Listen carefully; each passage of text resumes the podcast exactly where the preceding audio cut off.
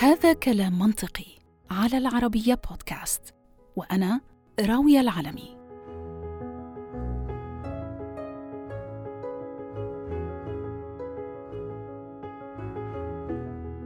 التغير المناخي أو الاحتباس الحراري وطبقة الأوزون ومصطلحات كثيرة مشابهة طفت على سطح نقاشاتنا الاجتماعية اليومية في السنوات العشر الأخيرة.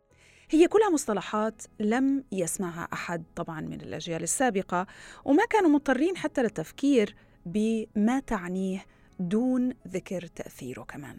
يبدو أنه حال العالم هاي الأيام آخذ بالفعل بالانقلاب رأس على عقب. أنهار وبحيرات أوروبا اللي كنا ندفع الغالي والنفيس لزيارتها والتنعم بأجواءها ومنظرها بات الكثير منها جاف الآن. ومنطقتنا اللي عانت كثيرا من شح المياه أصبحت تمطر صيفا تارة وتثلج شتاء تارة أخرى. فشو اللي عم بيصير؟ هو الاحتباس الحراري اللي بيسبب هذا التغير المناخي. لكن وقبل الخوض في التفاصيل دعوني متابعينا الكرام أبسط معنى كل من المصطلحين. الاحتباس الحراري تعريفا هو ازدياد درجة الحرارة السطحية المتوسطة في العالم مع زيادة كمية ثاني أكسيد الكربون والميثان وبعض الغازات الأخرى. أما التغير المناخي فيقصد فيه التحولات طويلة الأجل في درجات الحرارة وأنماط الطقس. ممكن تكون هاي التحولات طبيعية وتحدث من خلال تغيرات في الدورة الشمسية مثلاً. لكن من القرن التاسع عشر أصبحت الأنشطة البشرية هي المسبب الرئيسي للتغير المناخي ويرجع أساساً طبعاً لحرق الوقود الأحفوري مثل الفحم والنفط والغاز.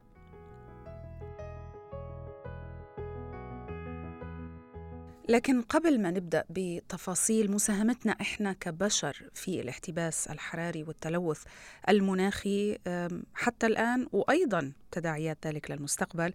اسمحوا لي أني أرحب بضيفنا لحلقة اليوم الدكتور وفيق نصير وهو عضو البرلمان العالمي للبيئة. أهلا بك دكتور معنا في كلام منطقي. أهلا وسهلا. أهلا. طيب دكتور قبل ما ندخل في التفاصيل ونركز على آه، ما وددت أن أتحدث عنه بشكل آه، مفصل في هذه الحلقة وهو البلاستيك خلينا نحكي يعني فيما يتعلق بالذي يحصل الآن. عم نلاحظ بأنه في ظواهر آه، مناخية غريبة.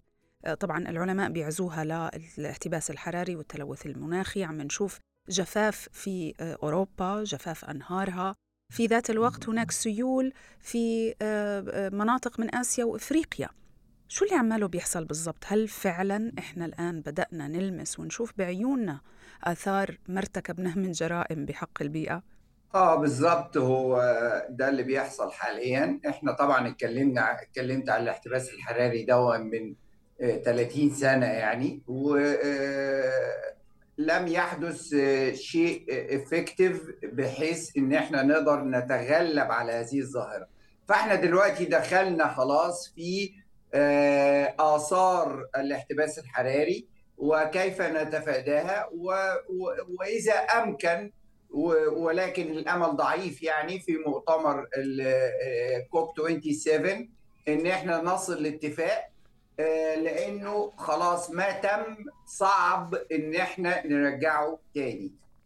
فاللي بيحدث دلوقتي خليني أشرحه لك ببساطة إنه أماكن بيحدث فيها جفاف ولأنه آه، نتيجة لارتفاع درجة الحرارة اللي وصلت لواحد ونص already درجة مئوية اللي كانت حطها الأمم المتحدة السنة اللي فاتت في جلاسكو علشان ما نزيدش عليها. فخلاص إحنا دلوقتي بنتخطى هذه الدرجة آه، فبيحدث جفاف في بعض الأماكن. فالمية بتتبخر بطريقة كبيرة جدا ودرجة الحرارة بتزيد في بعض الأماكن. لكن طبعا الكرة الأرضية بتحتفظ بنفس كمية المية لا تتغير.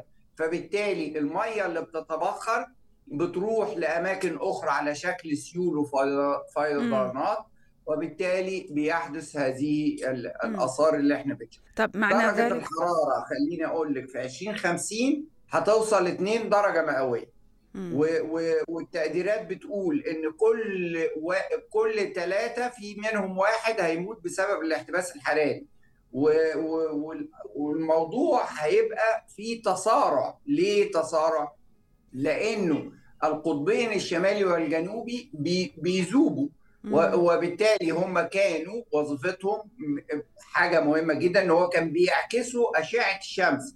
فبالتالي درجة حرارة الشمس هتبقى أكتر فهيحدث تصارع لهذا. ده طيب. بخلاف تحلل المواد العضوية آه، نتيجة لارتفاع درجة الحرارة وبالتالي بيحدث إنه غاز الميثان بيطلع وده اللي بنشوفه إنه بيساعد على احتراق الغابات وكمان هو جزء من غازات الاحتباس الحراري طيب دكتور جميل إنك ذكرت بإنه آه، تحلل للمواد العضوية لأنه هذا ما آه، يعني صدمني الحقيقة بإنه البلاستيك أحد أكبر المتهمين آه، لأنه ليس فقط هو يعني ما آه، بيتحلل بسهولة ولكن أيضا آه، يعني في بيعمل انبعاثات لغازات ملوثة للبيئة وبالتالي من أكبر المتهمين في التغير المناخي والاحتباس الحراري. بس قبل ما ندخل في موضوع البلاستيك حبيت دكتور أسألك إنه هل ما نراه الآن هو واقعنا الجديد أم ممكن إنه نعكس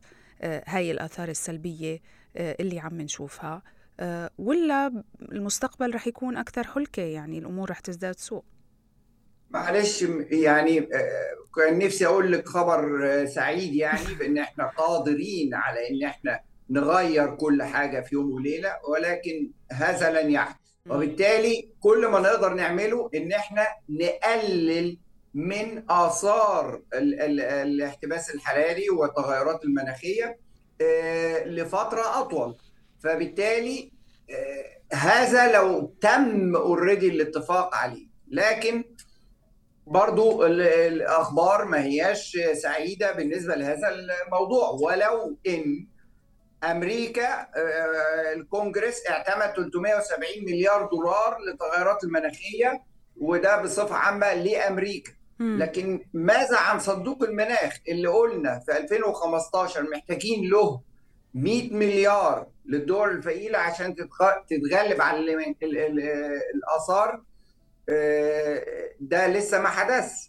كمان اللي بيحدث في أوروبا دلوقتي والحرب الأوكرانية في الروسيه آه، طبعا روسيا قطعت الغاز هتقطع الغاز أو اوريدي عملت هذا عن أوروبا آه، فبالتالي ده له اثرين اثر إيجابي واثر سلبي.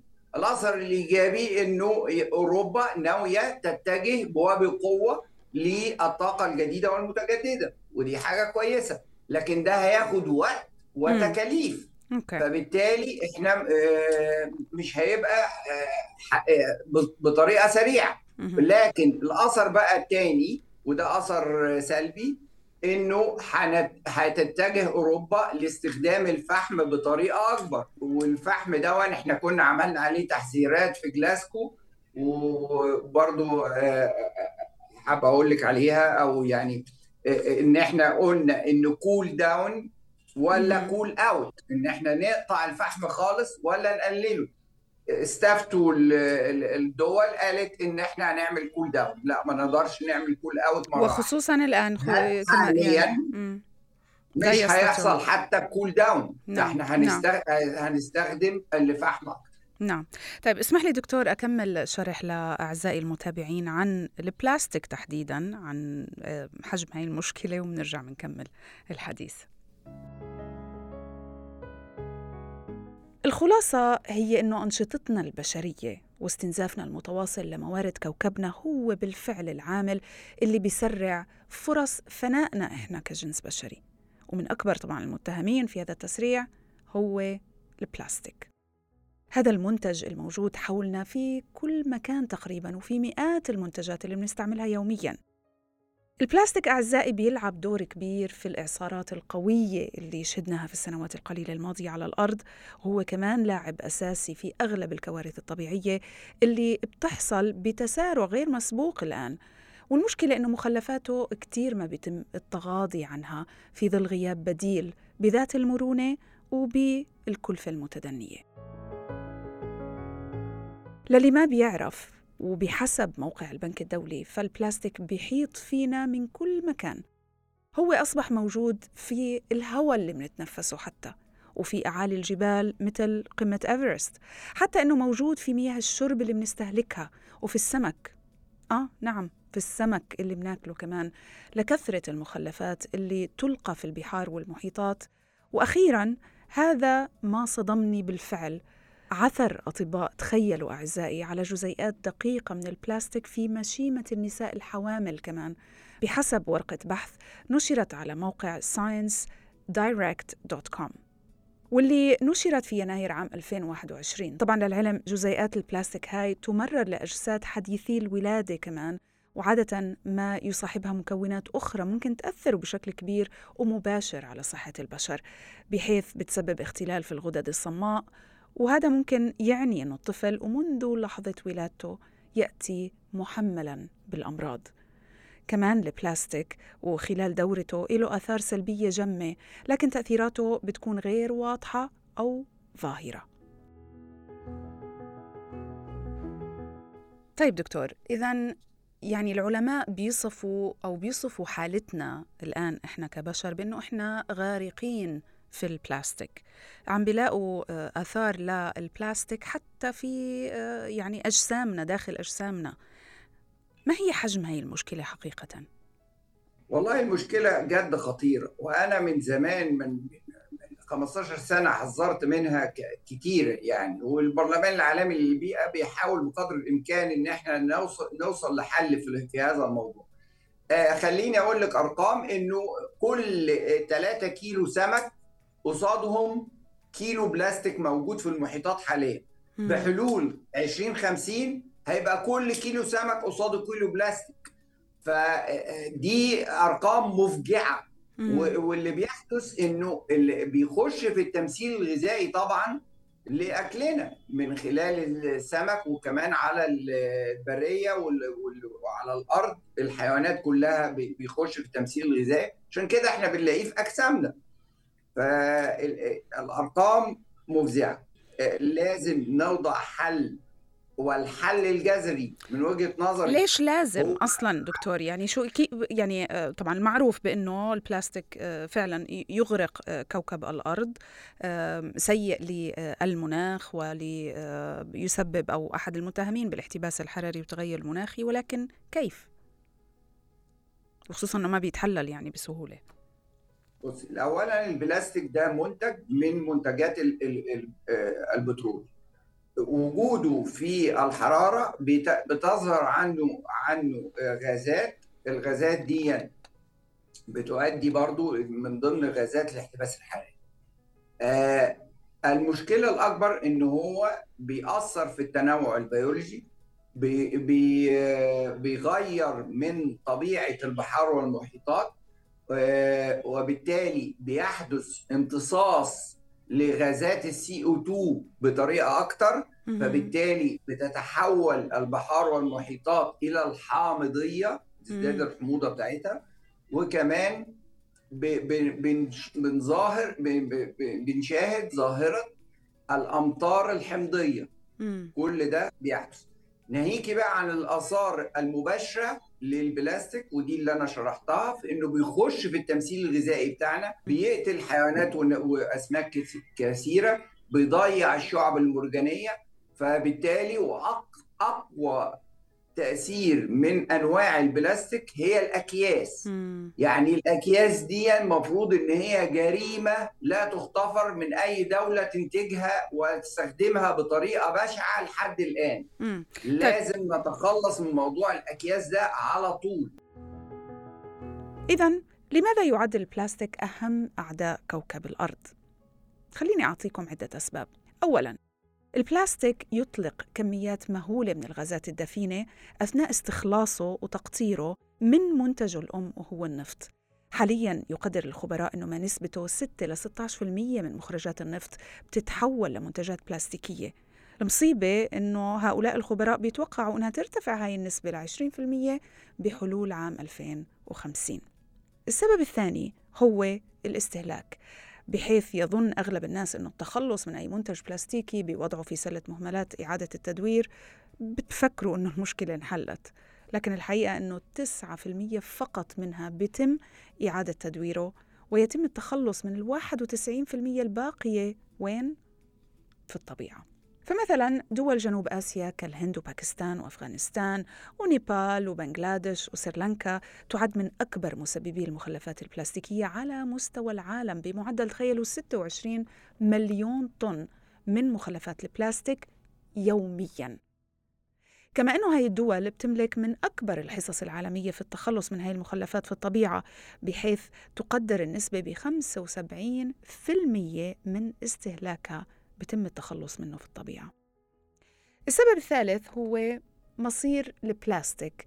لما لا يصل لمرحلة إعادة الاستخدام هو طبعا رح يكون التخلص منه. وعند تعرضه لأشعة الشمس فإنه هذا بيسبب انبعاث غازات مختلفة مثل ال GHG سواء كان على اليابسة أو في المي. لأنه جنوب آسيا هي أكبر جيوب هاي الآفة فإنه تقديرات بتشير إلى أنه ما يقارب من 18 طن من هاي المخلفات تنتهي وين؟ في المحيط للأسف.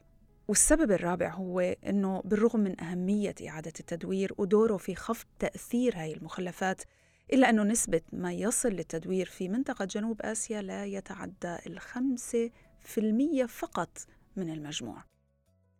أما خامساً فهي النفايات المائية. نقدر نقول أنه عالمياً بمعدل ملء شاحنة كاملة من المخلفات البلاستيكية تلقى في المسطحات المائية كل دقيقة. بلاستيك المسطحات المائية هاي بتسبب تلوث الماء وبتتحلل لأجزاء صغيرة تسمى microplastic وهي اللي بتسهم وبشكل فعال ومباشر بالتغير المناخي سواء عبر انبعاثات GHG اللي ذكرتها مسبقا أو بشكل غير مباشر عبر التأثير السلبي على كافة أشكال الحياة. داخل الماء. وأخيرا الحرق المباشر المفتوح للبلاستيك. هذا أكثر الأساليب شيوعا للتخلص من البلاستيك خصوصا في الدول النامية وتحديدا في جنوب آسيا. فمثلا الهند ونيبال سويا بشكلوا ما نسبته 8.4% من مجموع الحرق العالمي. وهذا الأسلوب بسبب تلوث الهواء. طبعا الكربون الأسود هو ما يسبب ما يشبه الغيمة في سماء المدن المكتظة مثل مثلا نيودلهي لكن ما هي أكبر منتجات البلاستيك اللي بتخلف هذا الحجم من التلوث البيئي؟ وكنتيجة بتسبب أيضا الاحتباس الحراري والتغير المناخي. بحسب دراسة للمنتدى الاقتصادي العالمي واللي صدرت في شهر يناير من عام 2022 فإن المنتجات التالية هي الأكثر استهلاكاً وبالتالي الأكثر تلويثاً للمسطحات المائية. بيجي بالمرتبة الأولى الأكياس البلاستيكية.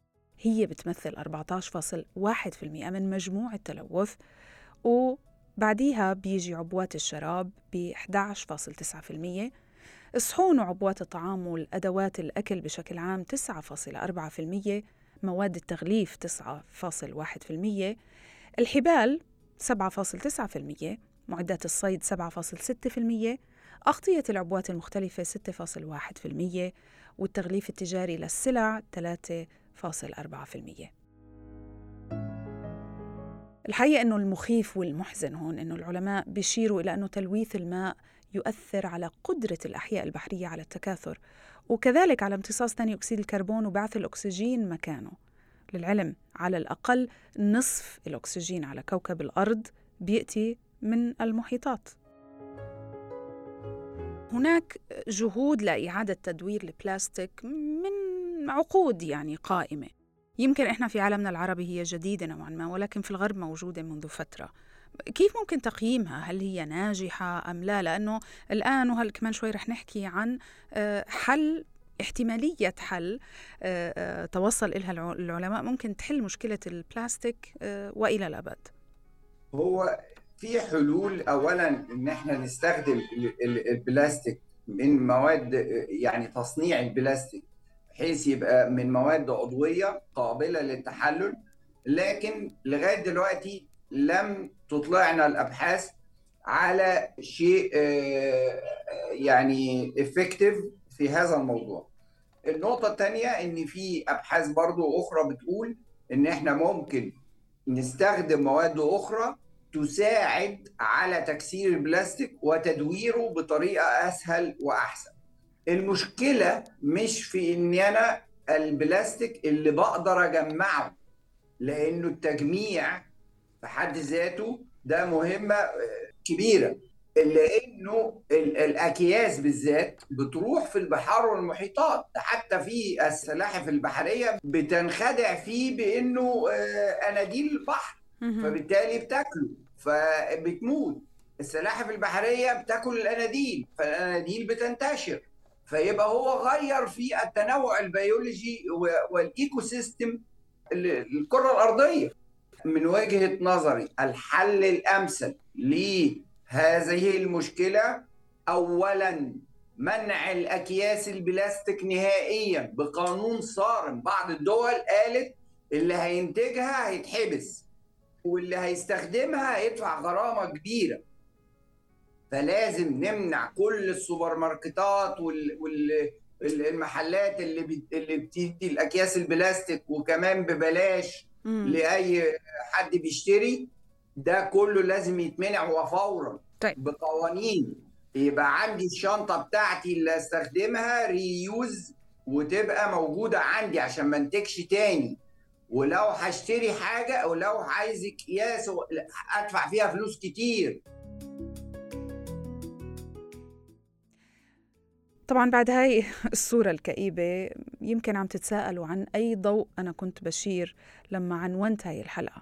الحقيقة هي أنه ومن أسابيع معدودة تسبق تاريخ تسجيل هاي الحلقة فقط ظهر هذا الضوء بشكل ورقة بحث وضعها علماء من جامعة أوستن في تكساس لمراجعة الأقران في الدورية الشهرية Nature قام هؤلاء العلماء بإنتاج أنزيمات معدلة قادرة على تكسير البلاستيك. للعلم إذا ما صدف أنه شاهدتوا مكب نفايات بلاستيكية في حياتكم فبراهنكم أنه ما حدا منكم رح يتوقع أنه مكب النفايات الواحد فقط بيلزمه على الأقل 450 سنة لحتى يتحلل.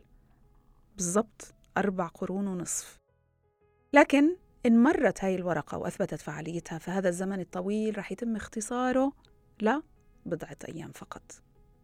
هؤلاء العلماء قاموا بمساعدة برمجيات وخوارزميات تكنولوجية خاصة للوصول لطفرة معينة قادرة على إنتاج بروتين خاص قادر على تكسير البلاستيك المصنع لجزيئات أساسية من البولي إثيلين تريفثولات وهو ما يعرف اختصارا ب PET أو PET هو ما نراه في قاع عبوات المشروبات البلاستيكية. هذا البات هو نوع من اللدائن الصناعية واللي تستخدم في الألياف اللي بتدخل في تصنيع الملابس. بحسب الدراسة فإنه هاي الألياف وحدها مسؤولة عما نسبته 12% من المخلفات البلاستيكية عالميا. وبتم ذلك عبر عملية تسمى depolymerization بحيث بتم تحفيز جزيئات البلاستيك للتحلل والعودة لعناصرها الأساسية قبل التصنيع. وعندها بتم عكس هاي العملية عبر ما يسمى ب repolymerization يعني إعادتها إلى حالتها إلى بلاستيك خام. وعندها يمكن إعادة تصنيعها لمواد استهلاكية بلاستيكية من جديد. المثير حقا في هذا الموضوع أنه هاي العملية برمتها اللي بتاخد قرون تمت كاملة خلال سبعة أيام فقط. بيقول هال ألبر بروفيسور الهندسة الكيماوية من جامعة أوستن واللي بيشارك في الدراسة بيقول هذا ما يفعله هذا الإنزيم الجديد. فعند تحويل البلاستيك المهمل إلى اللدائن الأساسية فإن الأمر أشبه بتصنيع بلاستيك جديد تماما مع فائدة رائعة جديدة وهي عدم الحاجة لمصادر نفطية. هو يتابع ويقول أنه هاي العملية أفضل بمراحل عن فكرة إعادة التدوير المستخدمة والمنتشرة حالياً فحاليا هاي العملية بتتم عن طريق تذويب البلاستيك وإعادة قولبته من جديد. هاي العملية بتسبب خسارة البلاستيك لبعض خصائصه الأساسية في كل مرحلة على عكس ما نقوم به حيث نقوم بتكسير المادة لعناصرها الأساسية ومن ثم نقوم بإعادة بنائها. وهذا بمكننا من القول إنه إحنا ننتج بلاستيك جديد تماما في كل مرة. للعلم هاي ليست المحاولة الأولى طبعا لاختراع إنزيمات قادرة على تفتيت البلاستيك لعناصره الأساسية بل هي تأتي بعد عدة محاولات سجلت أولها علميا عام 2005 ومنذ ذلك الحين طبعا اكتشفوا 19 أنزيم مختلف. هاي الأنزيمات مشتقة من بكتيريا طبيعية بتنمو بتعيش على أسطح البلاستيك. لكن العديد من هاي الإنزيمات متكونة من تحولات وطفرات بروتينية بتنمو وبتعمل بفعالية في بيئتها الطبيعية لكن طبيعة عملها مرتبطة بدرجة حرارة معينة ومعدل حموضة خاص وعليه لا يمكن استخدامها في كثير من الأحيان كمراكز إعادة التدوير الكلاسيكية. لكن ألبر بيقول إنه الأنزيم اللي اكتشفه وأعضاء فريقه هو قادر على تكسير 51 نوع مختلف من البيت أو ال PET في درجات حرارة ودرجات حموضة مختلفة. العائق أمام ألبر وفريقه الآن هو إثبات أنه إنزيمهم المكتشف هو متحرك وذو كلفة معقولة على المستوى التجاري. وعن هذا علق العالم وقال أنه الآن لابد لنا من اختبار الأنزيم على أنواع مختلفة من مخلفات البات اللي بتتواجد في المكبات وعلى أكوام البلاستيك أثناء إعادة تدويره. وإذا تمكنا من إيجاد الأنزيمات المطلوبة القوية والقادرة على تفكيك جزيئات البلاستيك عملياً عندها رح نكون قادرين على الجزم إنه إحنا ممكن نخلص العالم من مليارات الأطنان اللي موجودة حاليا من البلاستيك هل ممكن بالفعل شيء مثل هذا يكون شيء جديد يعمل ثورة في عالم إعادة التدوير ويخلصنا من هذه المشكلة وينقذنا منها؟ نجاح البحث دون متوقف على تجميع البلاستيك إذا قدرنا إن إحنا نجمع more than 90% من اللي موجود يبقى هنقدر نقول العملية دي ممكن تكون ناجحة. لكن اللي بيحدث إن إحنا ما بنجمعش أكتر من 20% من البلاستيك اللي بيطلق في الكرة الأرضية. والباقي بيختفي طبعا في الأرض أو في البحر أو وات فبالتالي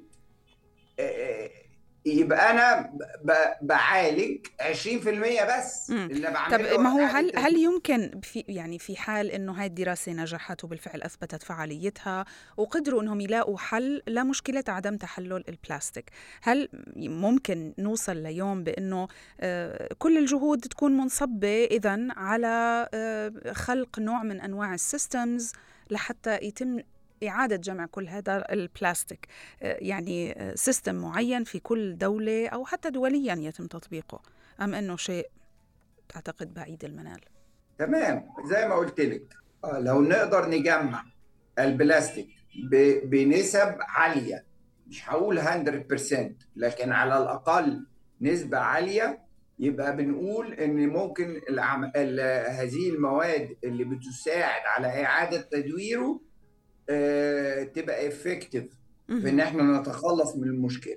نعم. لكن اللي بيحدث إن البلاستيك اولا سريع الطيران وخصوصا الأكياس فبتنتشر في البر والبحر بطريقة سريعة و و و ونسبة تجميع حتى المخلفات العادية في معظم دول العالم نسبتها قليلة جدا اللي بيحصل لها إعادة تدوير. والباقي بيدفن وبالتالي بيخش حتى في المياه الجوفية وبيبوظ البيئة بصفة عامة. وأي دولة بتفشل في هذا بيأثر على باقي الدول لأن البيئة ليس لها حدود. no no boundaries إحنا كلنا عايشين على كوكب واحد no. وكلنا لازم نتكاتف في قوانين للبيئة واحدة. والدولة التي تخالف هذه القوانين المفروض إن يحدث ليها عقاب عالمي فده السيستم يعني. نعم الحقيقة حديث لا يمل بتمنى أنه نكون قدرنا ألقينا الضوء على مشكلة حقيقية ونشرنا نوع ما يعني نوع من أنواع الوعي فيما يتعلق بمخاطر البلاستيك. على الأقل نحاول أنه نغير آه، عاداتنا آه، الشخصية فيما يتعلق باستخدام البلاستيك آه، لغاية ما نوصل ليوم يكون هناك في حل جذري لهي المشكلة محليا وعالميا. شكرا جزيلا لك دكتور وفيق نصير على هذه المشاركة. أهلا بيكم ربنا يحسن بيئتنا دايما وفرصة سعيدة ليكم والساده المشاهدين. شكرا. في ختام حلقتنا. نقدر نقول إنه سوء إدارة مخلفات البلاستيك وتأثيره على المناخ والنظام البيئي اللي بنعيش فيه هو من الأمور الملحة بالفعل واللي بتتطلب خطوات حالية وفعالة. الطريقة المثلى لحل هاي المعضلة بتكون عن طريق تحدي المشكلة ومحاولة حلها من جذورها عبر التخطيط منذ بداية تصنيع هاي المنتجات البلاستيكية وتصميمها واختيار موادها الخام بهدف عمل منتجات قابلة لإعادة الاستخدام لتقليل الحاجة إلى إعدامها والبحث عن تعويضها من المصادر الأخرى.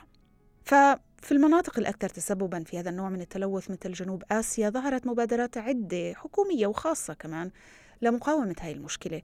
فمثلا هيئة القطارات في الهند سيتم فرض قانون لاستخدام مواد قابلة للتحلل في تطبيقات ككؤوس الشاي مثلا وكذلك هناك مواد بديلة كأعشاب البحر خصوصا في المنتجات ذات استعمال الواحد. وهي على فكرة ما يمثل تقريبا 50% من التطبيقات المنزلية المستخدمة يومياً. كذلك كان هناك تعاون بين إحدى شركات الأدوات الرياضية الشهيرة وحكومة المالديفز لتنظيف المسطحات المائية وجمع كل المخلفات وإعادة تدويرها لإنتاج ملابس رياضية مكررة.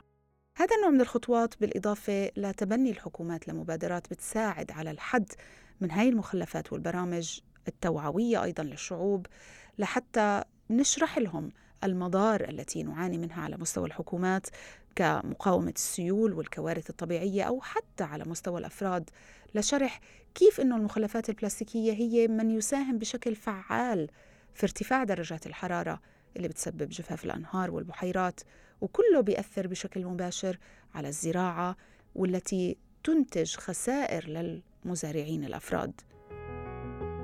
إذا اتخذنا كل هاي الخطوات يمكن في يوم من الأيام علنا ننجح في اللحاق بهذا الضوء لهذا النفق. هذا كلام منطقي على العربية بودكاست وأنا راوية العالمي أشكركم ودمتم دائما بأمان بإذن الله.